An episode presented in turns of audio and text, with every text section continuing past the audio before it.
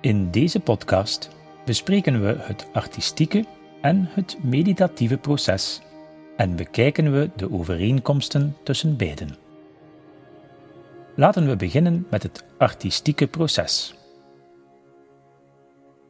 Het beoefenen van kunst en het delen van de scheppende schone van onszelf met anderen kan heel verlichtend werken. Met andere woorden, kunst kan voor de beoefenaar een verheven pad zijn dat creativiteit in hem doet ontwaken en hem verbindt met de innerlijke bron, de bron van creativiteit.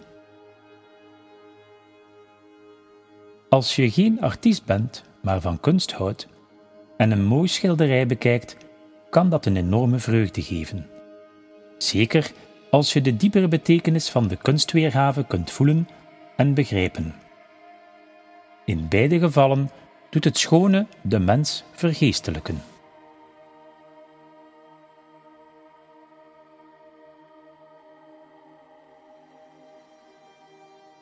Onze hedendaagse samenleving en vooral het onderwijs focust echter op het intellectuele leerproces. Met als gevolg dat de technologische ontwikkeling ver boven alles uitsteekt en dat gaat ten koste van de kunst. De jongeren die niet geleerd hebben om creatief te denken, groeien op zonder dat scheppende gevoel in schoonheid ooit te ervaren.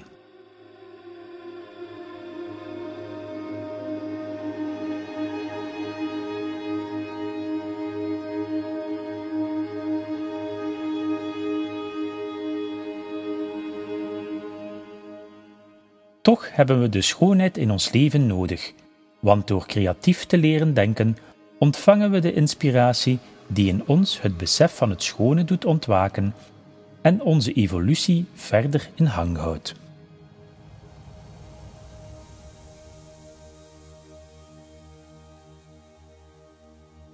We zullen nu proberen om onze persoonlijke gevoelens te weerleggen in het zogenaamde artistieke proces om de verschillende niveaus van inspiratie die een kunstenaar doormaakt te leren begrijpen en hoe we die niveaus kunnen toepassen op onszelf om zo onze eigen innerlijke artistieke gevoelens te leren ervaren.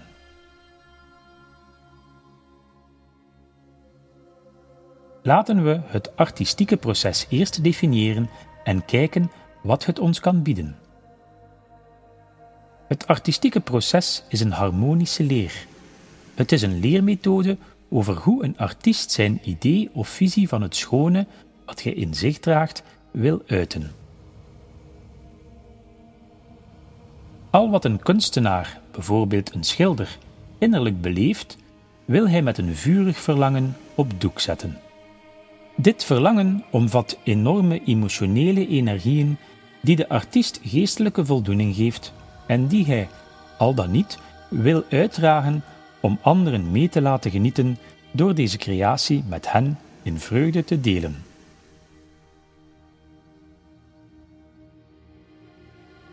Men creëert in de eerste plaats voor zichzelf en niet zozeer om wat anderen mooi vinden, want dit brengt ontgoochelingen.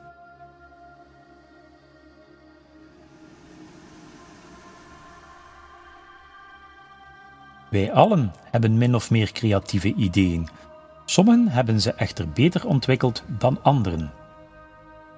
Laten we nu eens kijken hoe we deze stappen in het artistieke proces kunnen toepassen op onszelf, gebruikmakend van onze intuïtieve natuur.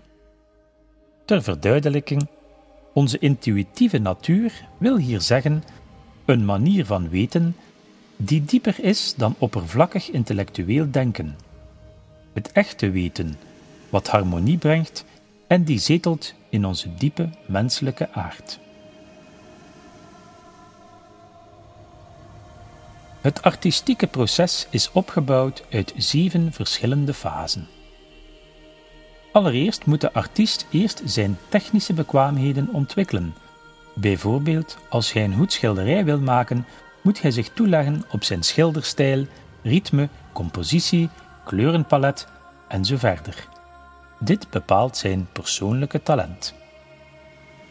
Gedurende dat proces gaat gij soms door een donkere nacht, waarop gij vastloopt op oude gewoontes die vervangen moeten worden door nieuwe, die dan beter passen in zijn repertoire. Soms valt gij stil en kan hij niet verder. Dan, na een bepaalde tijd, krijgt gij de touch weer terug. Hij leeft weer op in zijn artistieke wereld, waar iedere dag frustraties en zwakheden worden aangepakt, uit de weg geruimd en getransformeerd in schoonheid die hij in gedachten maakt met zijn houtskool, verf en kwast. Dit is de voorbereidingsfase. De artiest leert zijn innerlijke gevoelens ontplooien, zodat het een gewoonte wordt, zelfs als hij niet geïnspireerd is. Hij leert de techniek beheersen en tracht zo te voldoen aan het gevoel van rust en vrede als hij dat nodig heeft voor zijn werk in het schone.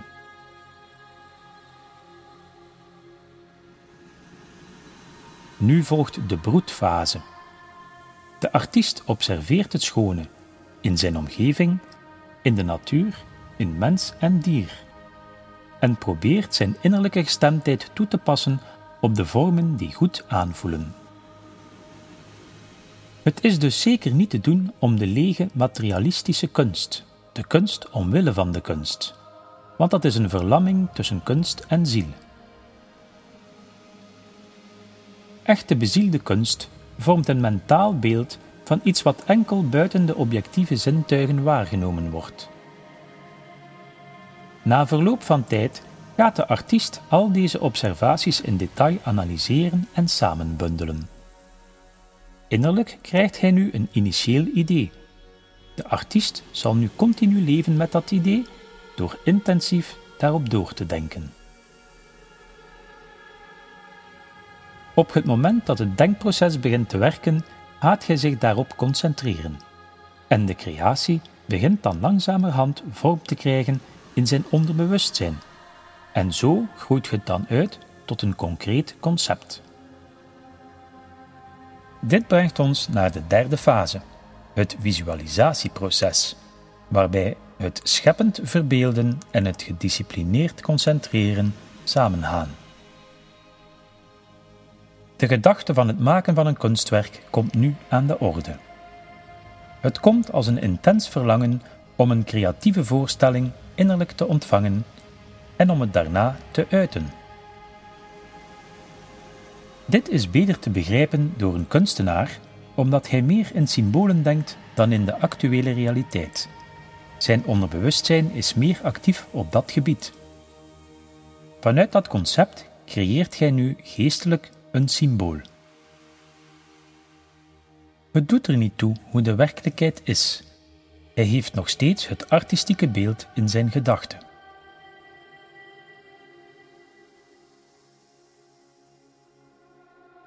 Het symbool leeft in zijn geestelijke wereld en blijft hem inspireren.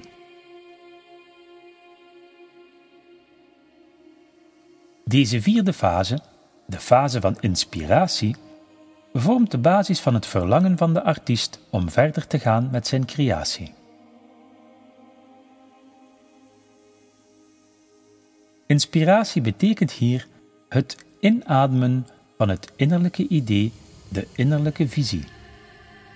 Wanneer de artiest een gelukkige ingeving ontvangt, wordt hij bezield en zit hij vol creatieve energie. Hij voelt een enorme vreugde om persoonlijk te scheppen.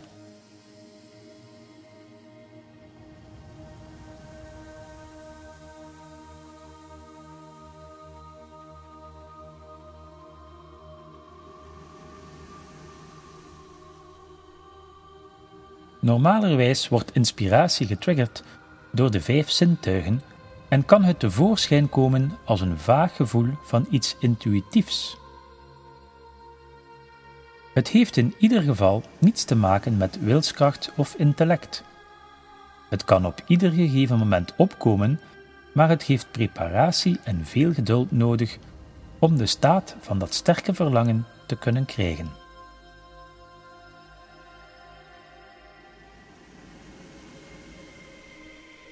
De precieze bron van inspiratie is niet bekend. Je kunt het niet zien als een implantatie van ideeën die uit een verheven wereld komen.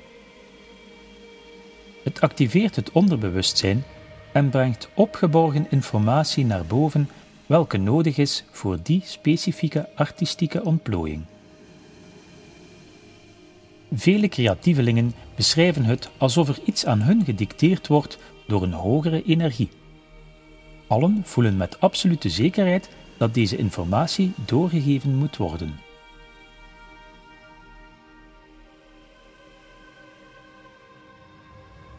Grote kunstenaars kunnen deze instroom direct ontvangen. Picasso bijvoorbeeld kon vaak direct contact met zijn onderbewustzijn hebben en kon dan direct het volledige gedachteplan vormen en zijn gehele werk direct op het doek schilderen. De gemiddelde artiest kan dat echter niet en heeft geen direct contact met zijn onderbewustzijn. Hij past daarom een bepaalde methode toe die hem voldoende tijd geeft om de benodigde informatie te rangschikken en alles wat relevant is voor de initiële gedachte uit te sorteren. Anderen schetsen met houtskool het initiële idee grof uit op doek en leggen het daarna terzijde om het idee te laten rijpen, om er een nachtje over te slapen. Dit is de vijfde fase, de fase van reflectie. Later, wanneer de totale oplossing zich aandient in het onderbewustzijn, corrigeren ze de compositie en ontwikkelen ze die verder uit tot het juiste resultaat bereikt wordt. Het concept kan hierna ook nog heel veranderen en in een nieuwe vorm weer tevoorschijn komen, maar dan toch veel helderder en duidelijker voor de artiest. Deze zesde fase wordt ook wel aangeduid met contemplatie. De gedachten in de geest van de artiest zijn nu helder en simpel geformuleerd en goed georganiseerd. Hij heeft er nu controle over en kan ze leiden en rustig beschouwen. Hij heeft innerlijk een volmaakt harmonisch beeld van het concept. Als de artiest zich nu echt los kan maken van het wereldsdenken, komt er een verbinding tot stand tussen zijn onderbewustzijn en een hoger bewustzijn en kunnen veelzeggende ideeën binnenstromen en zich duidelijk tonen in zijn geest.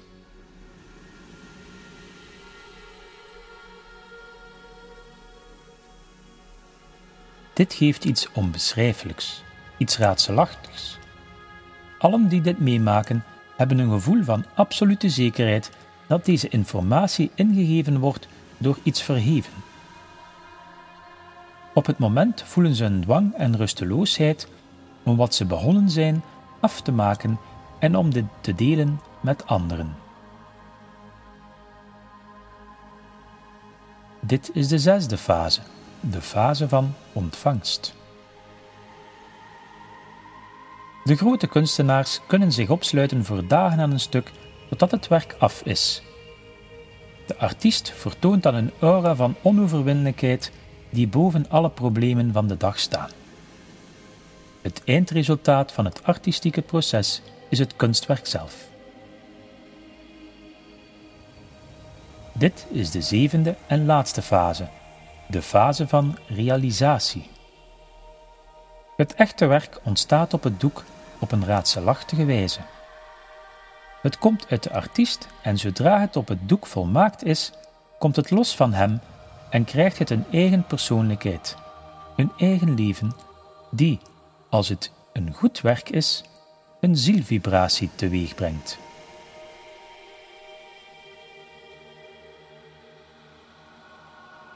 Het gaat niet om de uiterlijke vorm of dat het werk bijvoorbeeld indruist tegen de anatomie. De artiest heeft het recht en de plicht de vorm zodanig weer te geven dat het idee het doel dient op zijn eigen innerlijke morele wijze. Kunst is doelbewust scheppen om de menselijke ziel te ontwikkelen. De kunstenaar moet weten wat hij wil, wat hij wil uitdrukken. Het is niet zijn ding om vorm vast te leggen, maar om vorm aan te passen aan de inhoud die hij wil opdienen. Hij moet zijn talent goed gebruiken en zijn gedachten en gevoelens vormen. De geestelijke inhoud hiervan vormt de zogenaamde stroming, het geestelijk klimaat waarin hij zich thuis voelt. Kunst is een geestelijk pad. Materlink schreef in Les Trésors des Humbles: Schoon is datgene wat uit het innerlijke ontspringt. Schoon is wat innerlijk schoon is, en dat zal zegevieren.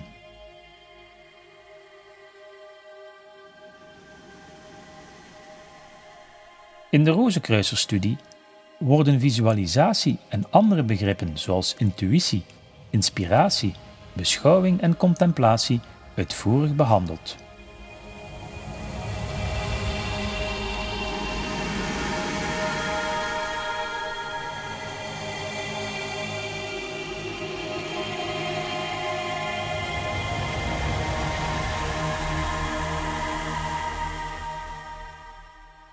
Nadat wij in het eerste deel van deze podcast het artistieke proces besproken hebben, zullen wij nu in het tweede deel van deze podcast het meditatieve proces bespreken en kijken wat meditatie eigenlijk inhoudt en wat het doel ervan is.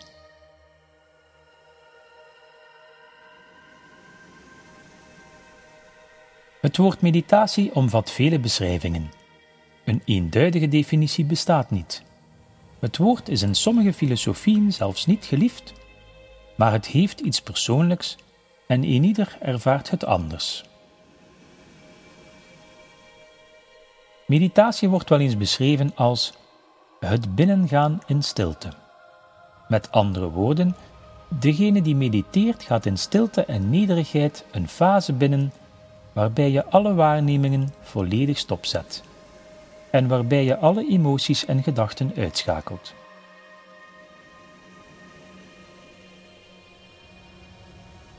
Het doel van meditatie is niet dagdromen of het zich voor de geest halen van wat er allemaal is gebeurd of is misgegaan, en dan bidden dat alles morgen beter mag gaan.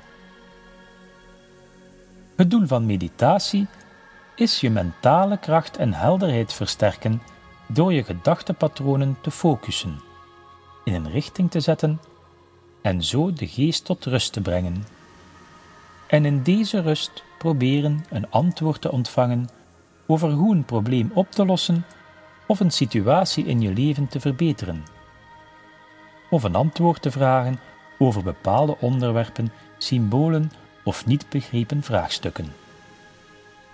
Het meditatieve proces bestaat uit drie fasen.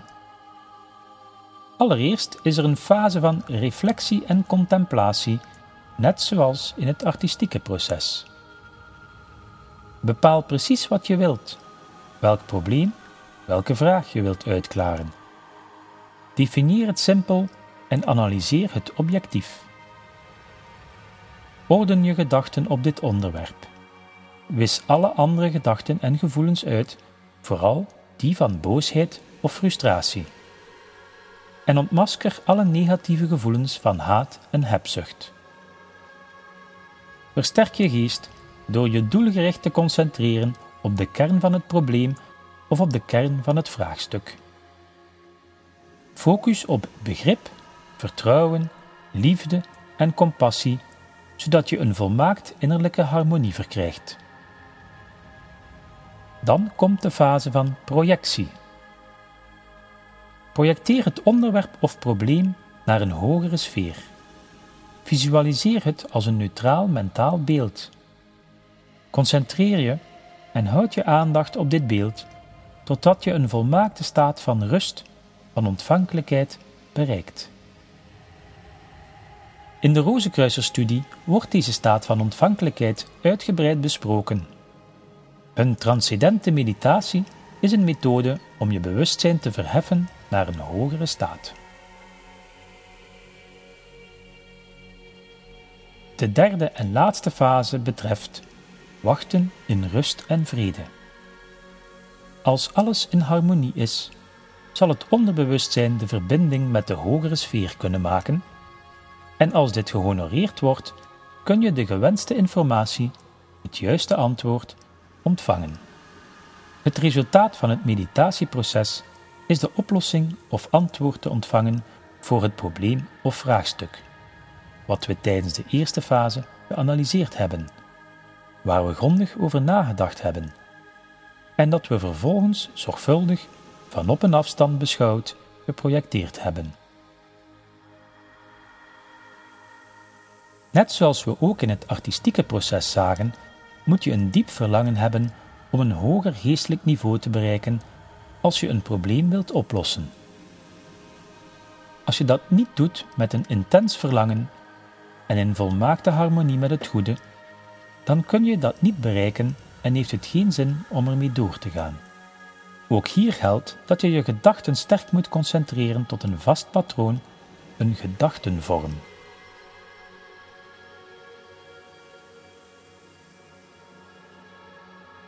Als je op een rustige, vredige plaats bent, waar je kunt mijmeren of mediteren, waar je de dagelijkse sleur achter je kunt laten, waar je zonder spanning uit de tijd kunt stappen, als je geheel relaxed bent, dan kan, met het juiste geduld, op een zeker moment deze gedachtevorm projecteren uit jezelf in een hogere sfeer. En kom je in een volmaakte staat van ontvankelijkheid. Als je op dat eigenlijke moment niets doorkrijgt, dan wil dat niet zeggen dat de afstemming niet plaats heeft gevonden. Na uren of zelfs dagen kan er toch een verwijzing ontvangen worden, bijvoorbeeld via een boek dat je in handen krijgt, of door iemand die je ontmoet en die je op een pad zet wat bijdraagt aan de oplossing.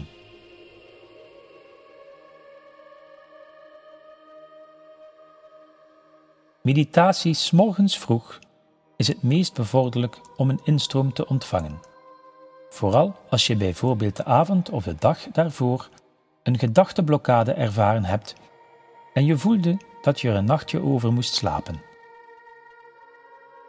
Dat is de beste houding.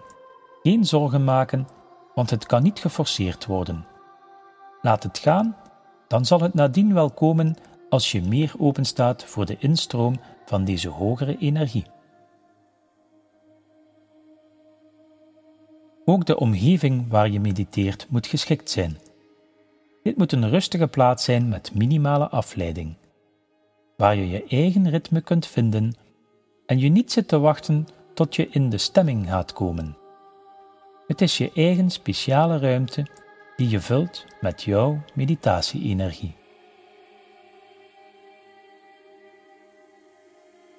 Direct na een ervaring van verheven ontvangst kun je het beste iedere ontvangen impressie direct noteren.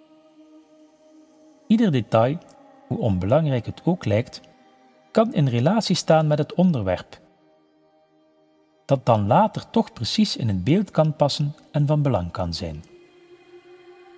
Deze eerste gedachten kunnen het kader vormen waaruit de gehele oplossing van het probleem kan ontspruiten.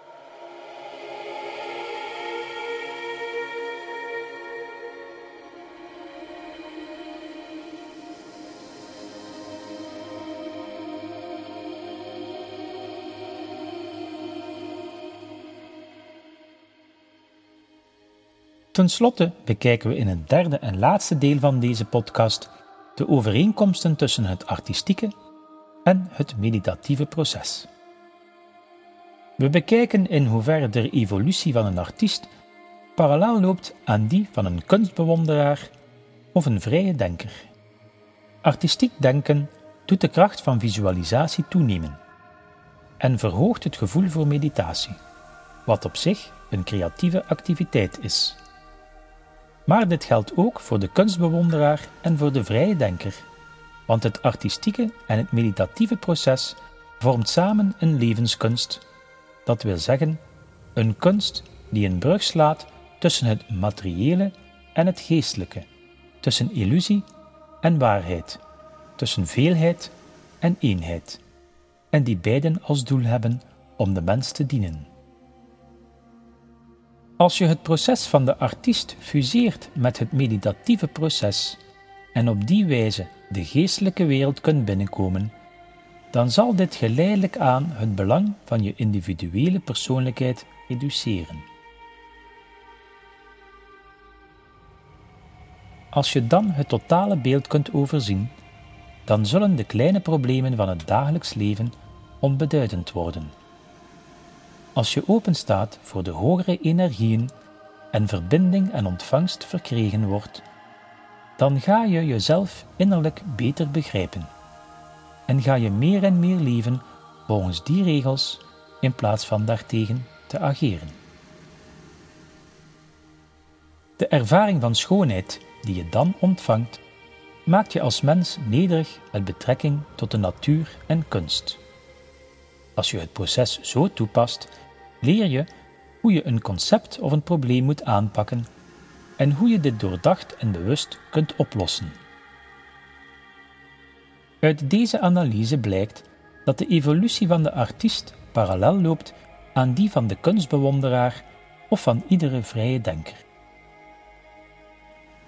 De tragedie is dat de aandacht aan kunst bij het publiek langzaam achteruit gaat, omdat men een groeiende tegenzin heeft om de drempel naar het geestelijke te overschrijden. Bovendien blijkt dat als je je blootstelt aan deze ervaringen van het geestelijke, het toch nog moeilijk is om daar daadwerkelijk binnen te gaan.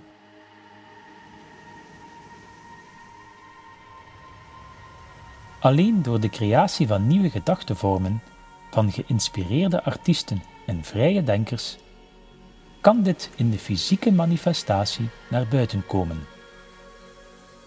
Kunst houdt deze connectie tussen deze twee gebieden in balans en dient als een kanaal om dit ideaal te realiseren. Door dit artistiek en meditatief proces te sturen, kun je leren hoe je de binnenkomende energieën meester kunt worden vanuit twee verschillende invalshoeken. Tracht beide processen toe te passen. En dan ga je na een bepaalde tijd deze artistieke en meditatieve energieën die ons leven beheersen, meester worden.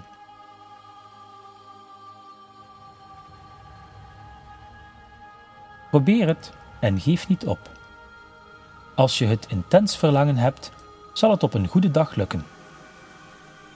Kijk dan eens na een tijd of je de energie tussen je duim en je wijsvinger van eenzelfde hand voelt stromen.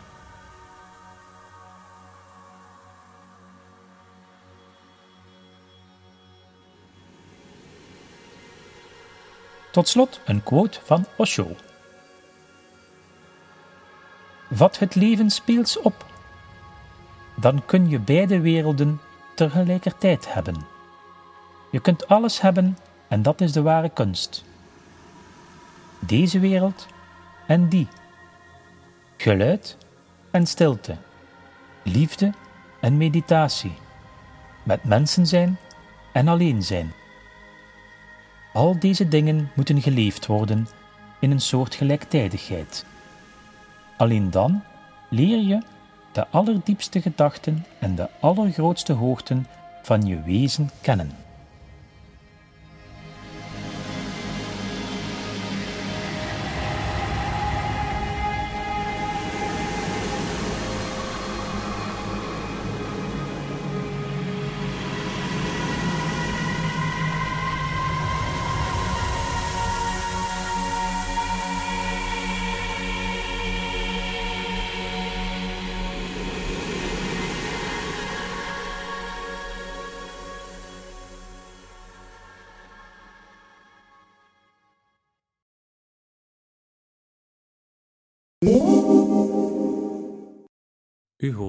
Podcast gebracht door de Rozenkruisersorde Amork. Meer informatie op www.amorc.be of .nl